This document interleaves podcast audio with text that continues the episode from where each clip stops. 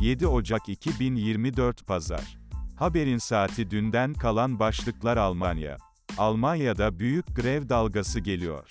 Ekonomi Bakanı feribottan inemedi protestocular engelledi. İyi haber, karbon emisyonları düştü. Almanya'da havalar soğuyacak, hafta sonu eksi dereceler görülecek. Belçika'da grev, Hollanda'da sel. Türkiye, Adalet ve Kalkınma Partisi'nin İstanbul adayı Murat Kurum oldu. Atatürk'e hakaretten tutuklandı, ilaçların etkisindeydim, dedi. Sarıkamış şehitlerini anma yürüyüşü yapıldı. Fernando Santos, Beşiktaş'ın yeni teknik direktörü oldu.